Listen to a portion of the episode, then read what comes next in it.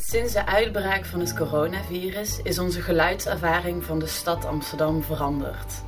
Plekken die eerst rumoerig of zelfs lawaaierig waren, zijn nu doodstil. In onze nieuwe podcast Soundtrack Silence gaan we in gesprek met elkaar en met de bewoners van Amsterdam over geluidservaringen in tijden van corona. Zijn er geluiden hoorbaar die anders nooit te horen zijn? Zijn er geluiden die gemist worden? Of is alles misschien helemaal niet zo anders als dat je in eerste instantie zou denken? Kortom, hoe klinkt Amsterdam tegenwoordig?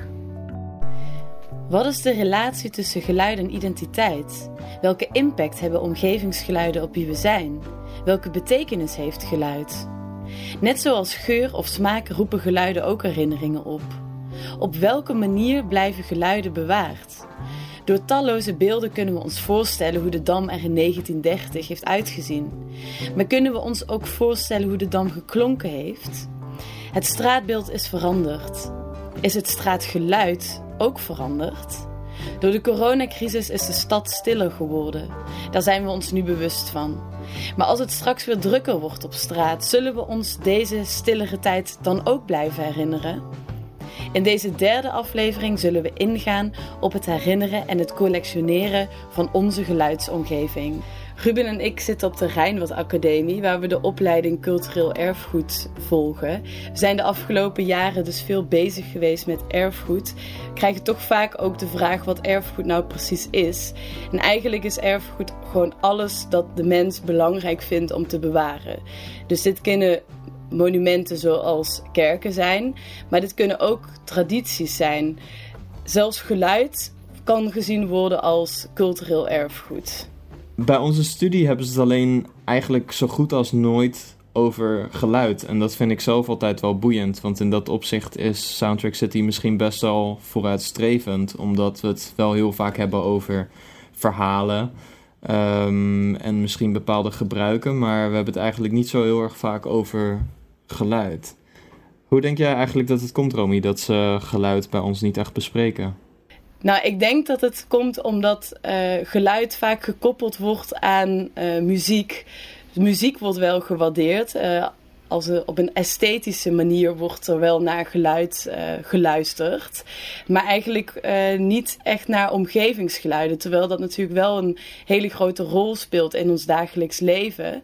We hebben veel wel veel beeldarchieven. Maar ik denk dat we gewoon niet zo bewust zijn van de dagelijkse omgevingsgeluiden, omdat we daar ook zo aan gewend zijn. Ruben, ben jij eigenlijk bewust van, uh, van je geluidsomgeving? In zekere zin denk ik wel, omdat ik muziek maak. Dus uh, ik heb ook wel vaak dat ik, dat ik field recording en zo doe om te gebruiken in mijn muziek. Alleen ik heb er denk ik voordat ik begon aan de stage hier, niet echt bewust over nagedacht dat geluid ook iets kan zijn dat je misschien wil behouden. Of dat zeg maar de geluidsomgeving iets is waarvan je bang bent dat dat verdwijnt. Romy, zijn er in jouw beleving geluiden veranderd de afgelopen jaren? Nou, ik woonde vroeger tegenover een basisschool waar je altijd heel veel kinderen op het schoolplein hoorde spelen. Er was altijd heel veel levendigheid rondom die school. Die school bestond ook daar al 60 jaar. En toen die school wegging, verdwenen natuurlijk ook die geluiden die zo'n zo school uh, met zich meebrengt. En de levendigheid.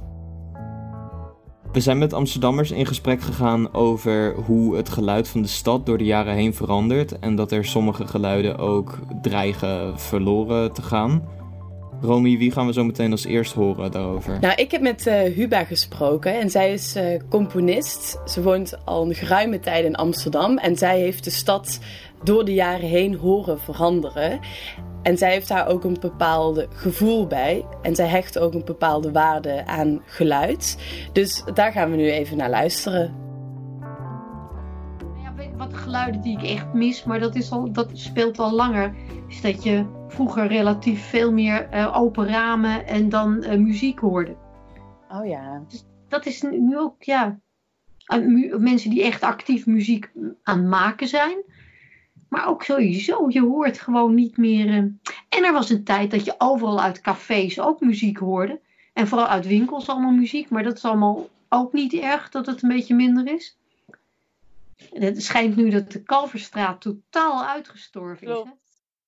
Er zijn natuurlijk een heleboel geluiden verdwenen. Het geluid van fax en, en van rare, rare elektronica, maar dat is natuurlijk evident.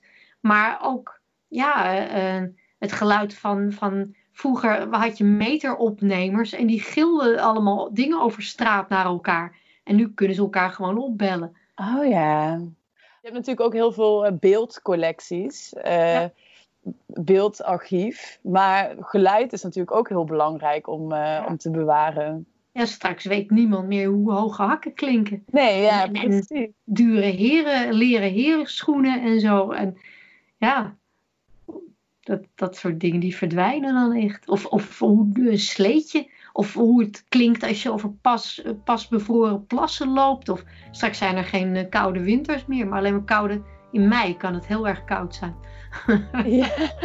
De werkplek waar Ruben en ik nu zitten en waar we de afgelopen maanden hebben gewerkt voor Soundtrack City, is ook de werkplek van Michiel, onze stagebegeleider, waar hij al een heel aantal jaren uh, werkt.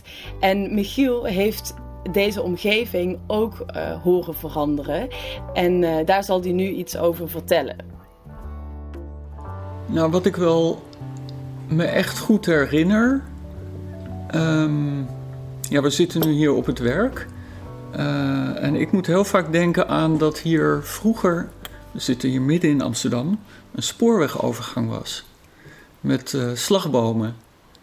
En dit is het spoor tussen Amsterdam Centraal en Muiderpoort. Dus je kan je voorstellen dat die slagbomen ongelooflijk vaak open en dicht gingen. En dan hoorde je dus die bellen. En, en ik vind dat nog steeds een heel bizar iets eigenlijk, midden in Amsterdam. Een uh, spoorwegovergang ja. met slagbomen. Maar ja, dat was hier. Ik moest ook altijd daar overheen als ik uit de stad kwam, hier naartoe. En dan had ik echt het gevoel, kom je in een andere wereld. Uh, er was hier bijna niemand en uh, al die appartementencomplexen waren nog niet gebouwd. Het was echt nog haven. Um, dus je kwam in, eigenlijk in een soort gebied met mogelijkheden. We zijn heel erg begonnen als geluid als medium, dus als een soort drager van, uh, ja, van kunstuitingen. En daardoor, daarmee hebben we dan ook geprobeerd uh, de perceptie van mensen te veranderen op de stad. Maar gaandeweg is dat toch veranderd. En nu zien we geluid eigenlijk meer als een soort exponent van activiteit. Dus als een sociaal product. Ja, allereerst vind ik het collectioneren van geluid zelf niet heel interessant.